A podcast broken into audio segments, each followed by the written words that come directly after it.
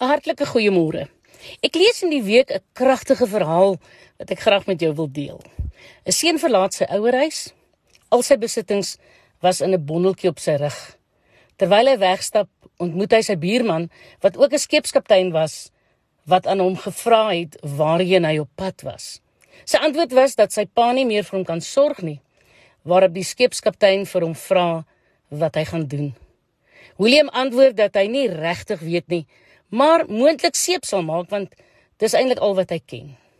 Sorg net dat wat jy doen, jy dit reg doen en alles sal regkom, was die skepskaptein se antwoord waarna hy vir hom bid en groet met die volgende woorde: Een van die dae sal iemand die voorste seepmaker in New York wees en dit kan net sowel jy wees. Wees 'n goeie man en gee aan die Here wat hom toekom van elke dollar wat jy verdien. Toe hy in die stad kom, was hy eensaam en het dit moeilik gevind om werk te kry. Hy onthou die woorde van sy ma: "Soek eers die koninkryk van God en sy geregtigheid en al die ander dinge sal vir jou bygevoeg word." William het werk gekry, daarna aandeelhouer in 'n besigheid geword en 'n paar jaar later het sy vernoot gesterf en hy het die alleen eienaar geword. Hy het die woorde van die skepskaptein onthou en het goeie seep vervaardig. Hy het ook onthou dat hy aan die Here moet betaal wat hom toekom. Hy het aan sy boekhouer opdrag gegee om vir God 'n rekening oop te maak waar hy aanvanklik 10% en later 50% van sy winste sou gee. Nou hierdie man was niemand anders as William Colgate nie. Ek onthou toe ek in standaard 5 graad 7 vandag was, het my ma my geroep toe ek een middag by die huis kom en sy het vir my gesê kom, dis tyd dat ek jou leer om 'n begroting op te stel. So sit ek by haar, sy gee vir my haar boekie en haar pen en sy sê skryf. Jong, ek begin toe wegval met Fushini, want ons het 'n Fushini rekening gehad. Nee sê my ma, dis verkeerd.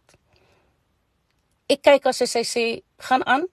Ek skryf later aan skaap op want ons het elke maand 'n skaap gekoop. R20, ek onthou dit. Ek onthou ons Edgars rekening was R7.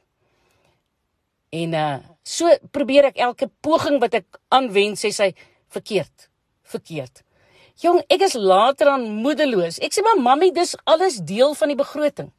Sy sê my kind, jy's reg. Maar jy begin verkeerd heel bo aan die begrotingslysie moet daar altyd staan tiende. En dan volg die res van jou uitgawes. Jong my ma was baie erg dat wat aan die Here behoort behoort aan die Here en tot en met vandag toe leef ek so. My tiende is heel bo aan my lysie. Geld sodat die koninkryk kan groei. Ek wil vandag vir jou vra. Sal jy altyd onthou dat God 'n waarmaker van sy beloftes is?